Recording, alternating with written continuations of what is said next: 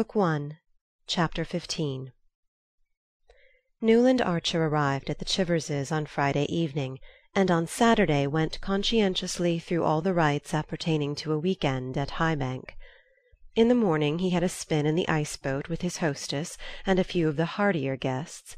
In the afternoon he "went over the farm" with Reggie, and listened, in the elaborately appointed stables, to long and impressive disquisitions on the horse.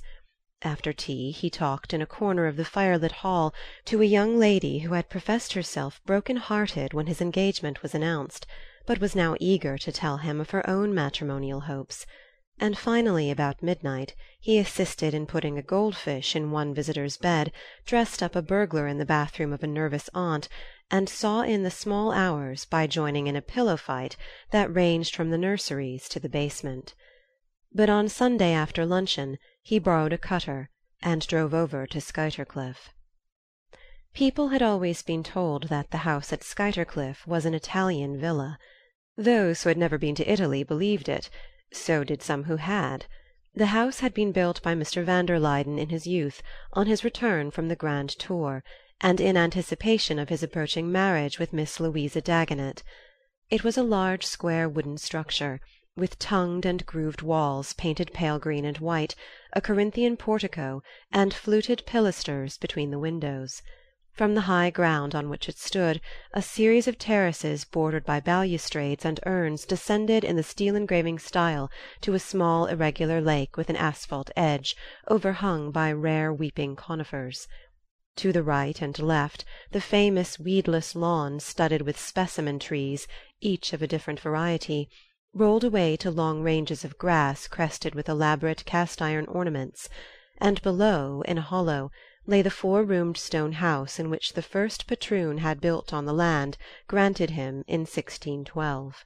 Against the uniform sheet of snow and the grayish winter sky the Italian villa loomed up rather grimly; even in summer it kept its distance, when the boldest coleus bed had never ventured nearer than thirty feet from its awful front. Now, as Archer rang the bell, the long tinkle seemed to echo through a mausoleum, and the surprise of the butler, who at length responded to the call, was as great as though he had been summoned from his final sleep. Happily Archer was of the family, and therefore, irregular though his arrival was, entitled to be informed that the Countess Olenska was out, having driven to afternoon service with Mrs. van der Luyden exactly three quarters of an hour earlier.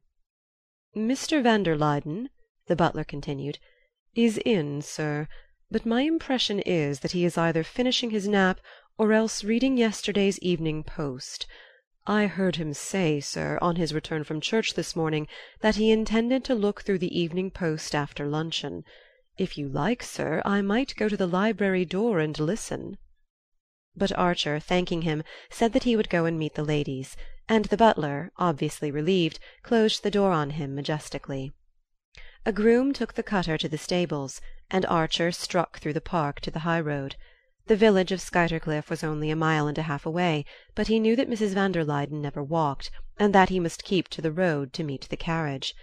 Presently, however, coming down a footpath that crossed the highway, he caught sight of a slight figure in a red cloak, with a big dog running ahead. He hurried forward, and Madame Olenska stopped short with a smile of welcome.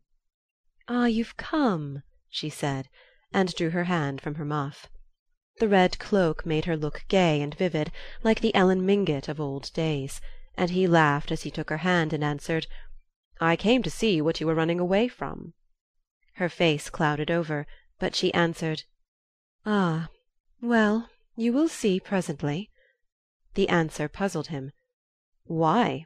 Do you mean that you've been overtaken?" She shrugged her shoulders, with a little movement like Nastasia's, and rejoined in a lighter tone: "Shall we walk on?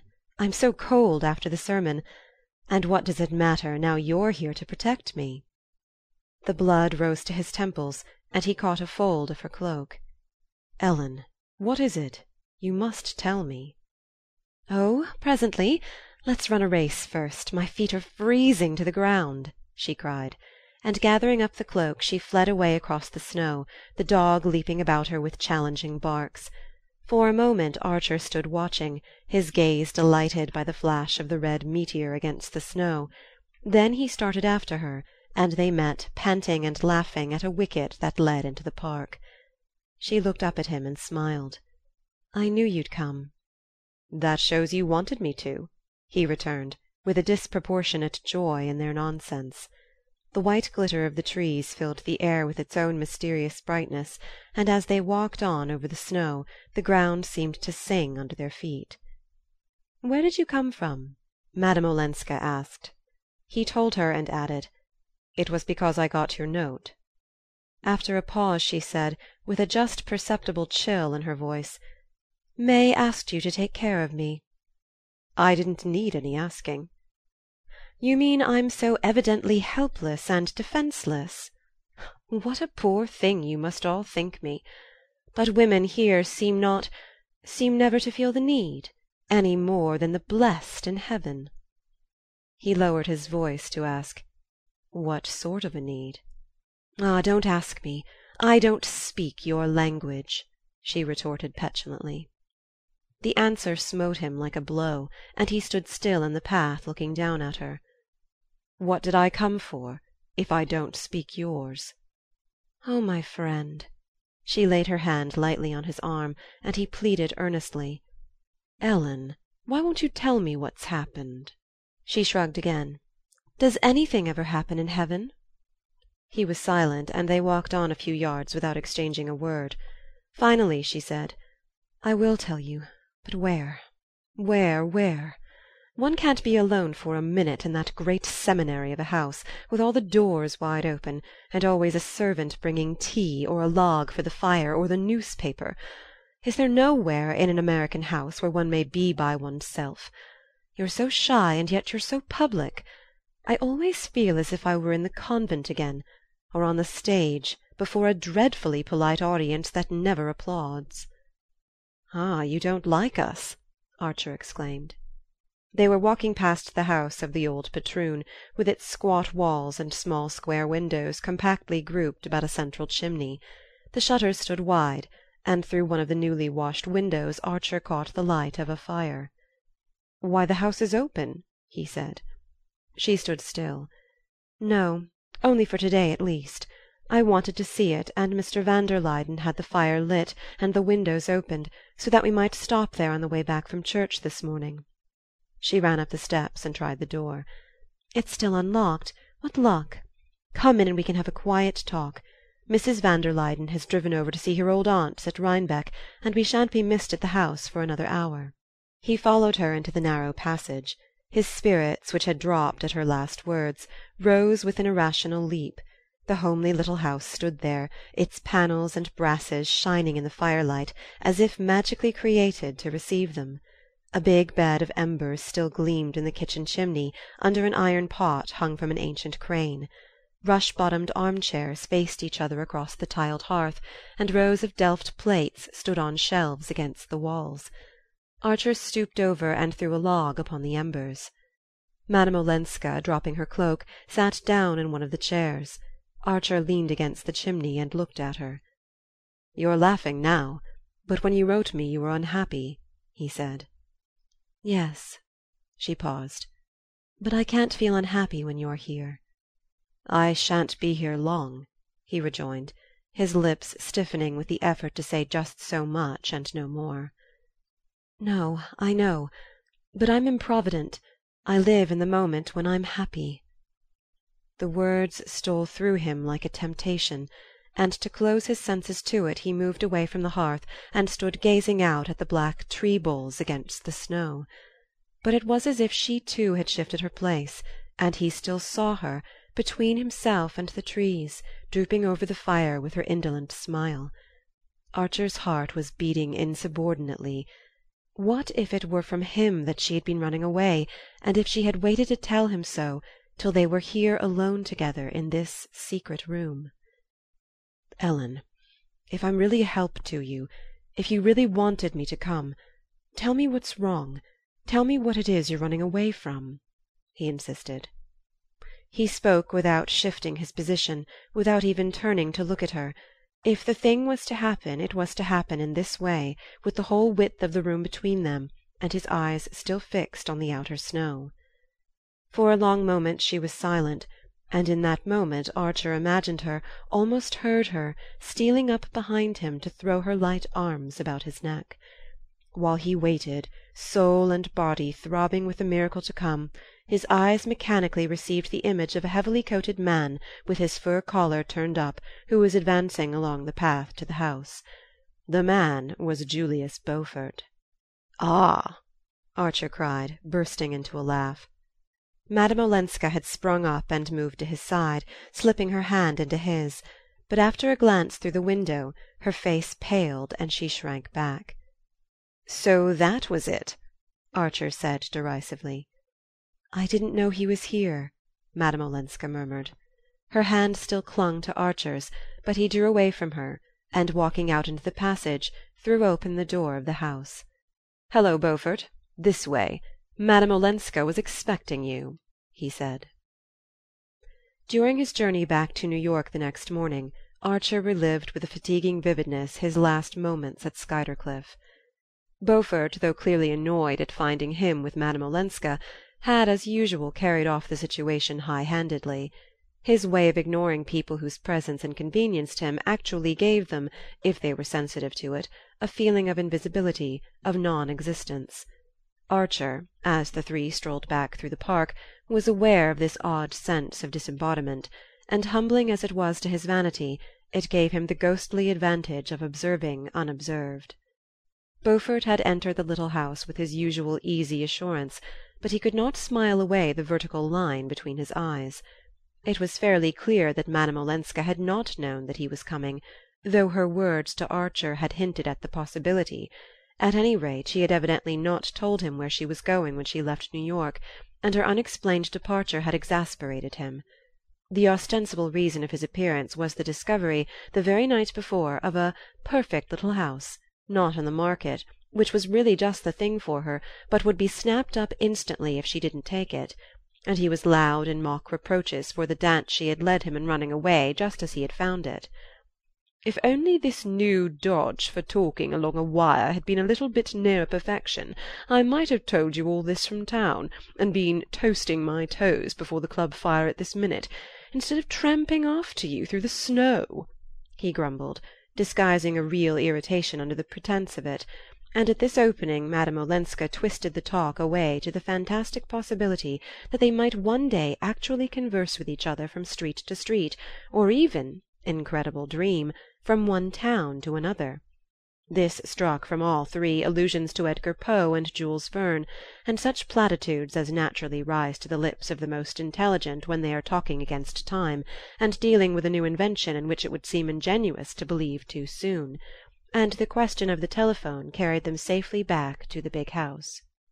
Mrs. van der Luyden had not yet returned, and Archer took his leave and walked off to fetch the cutter while Beaufort followed the Countess Olenska indoors. It was probable that, little as the van der Luydens encouraged unannounced visits, he could count on being asked to dine, and sent back to the station to catch the nine o'clock train; but more than that he would certainly not get, for it would be inconceivable to his hosts that a gentleman travelling without luggage should wish to spend the night, and distasteful to them to propose it to a person with whom they were on terms of such limited cordiality as Beaufort. Beaufort knew all this, and must have foreseen it, and his taking the long journey for so small a reward gave the measure of his impatience. He was undeniably in pursuit of the Countess Olenska, and Beaufort had only one object in view in his pursuit of pretty women. His dull and childless home had long since palled on him, and in addition to more permanent consolations he was always in quest of amorous adventures in his own set. This was the man from whom Madame Olenska was avowedly flying; the question was whether she had fled because his importunities displeased her, or because she did not wholly trust herself to resist them; unless indeed all her talk of flight had been a blind, and her departure no more than a manoeuvre. Archer did not really believe this. Little as he had actually seen of Madame Olenska, he was beginning to think that he could read her face, and if not her face, her voice and both had betrayed annoyance and even dismay at Beaufort's sudden appearance. But after all, if this were the case, was it not worse than if she had left New York for the express purpose of meeting him? If she had done that she ceased to be an object of interest, she threw in her lot with the vulgarest of dissemblers. A woman engaged in a love affair with Beaufort classed herself irretrievably. No, it was worse a thousand times if, judging Beaufort and probably despising him, she was yet drawn to him by all that gave him an advantage over the other men about her his habit of two continents and two societies, his familiar association with artists and actors and people generally in the world's eye, and his careless contempt for local prejudices. Beaufort was vulgar, he was uneducated, he was purse proud; but the circumstances of his life, and a certain native shrewdness, made him better worth talking to than many men, morally and socially his betters, whose horizon was bounded by the Battery and the Central Park. How should any one coming from a wider world not feel the difference, and be attracted by it? Madame Olenska, in a burst of irritation, had said to Archer that he and she did not talk the same language, and the young man knew that in some respects this was true. But Beaufort understood every turn of her dialect and spoke it fluently. His view of life, his tone, his attitude, were merely a coarser reflection of those revealed in Count Olenski's letter. This might seem to be to his disadvantage with Count Olenski's wife, but Archer was too intelligent to think that a young woman like Ellen Olenska would necessarily recoil from everything that reminded her of her past.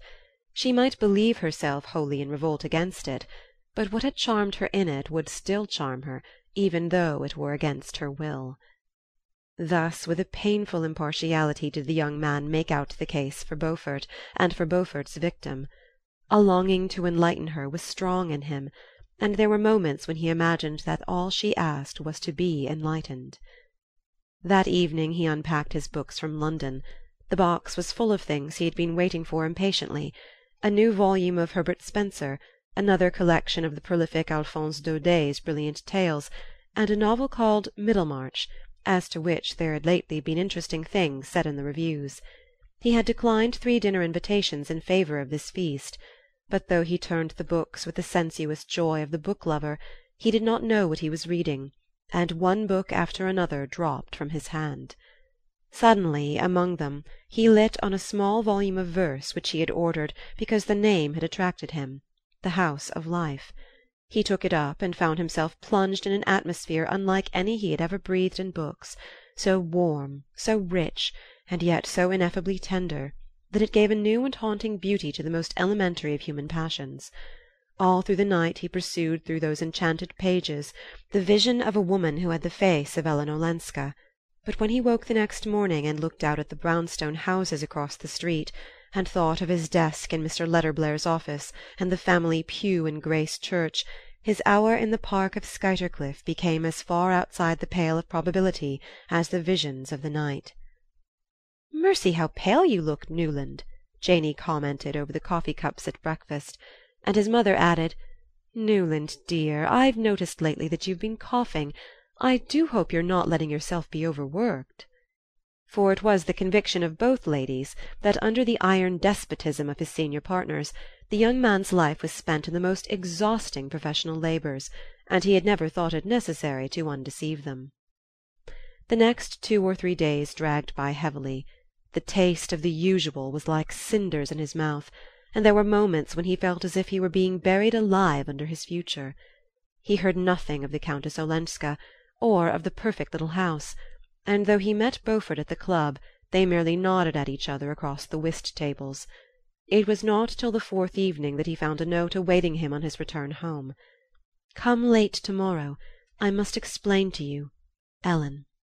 These were the only words it contained. The young man who was dining out thrust the note in his pocket, smiling a little at the Frenchness of the "to you." After dinner he went to a play, and it was not until his return home, after midnight, that he drew Madame Olenska's missive out again and re read it slowly a number of times. There were several ways of answering it, and he gave considerable thought to each one during the watches of an agitated night. That on which, when morning came, he finally decided was to pitch some clothes into a portmanteau and jump on board a boat that was leaving that very afternoon for St. Augustine.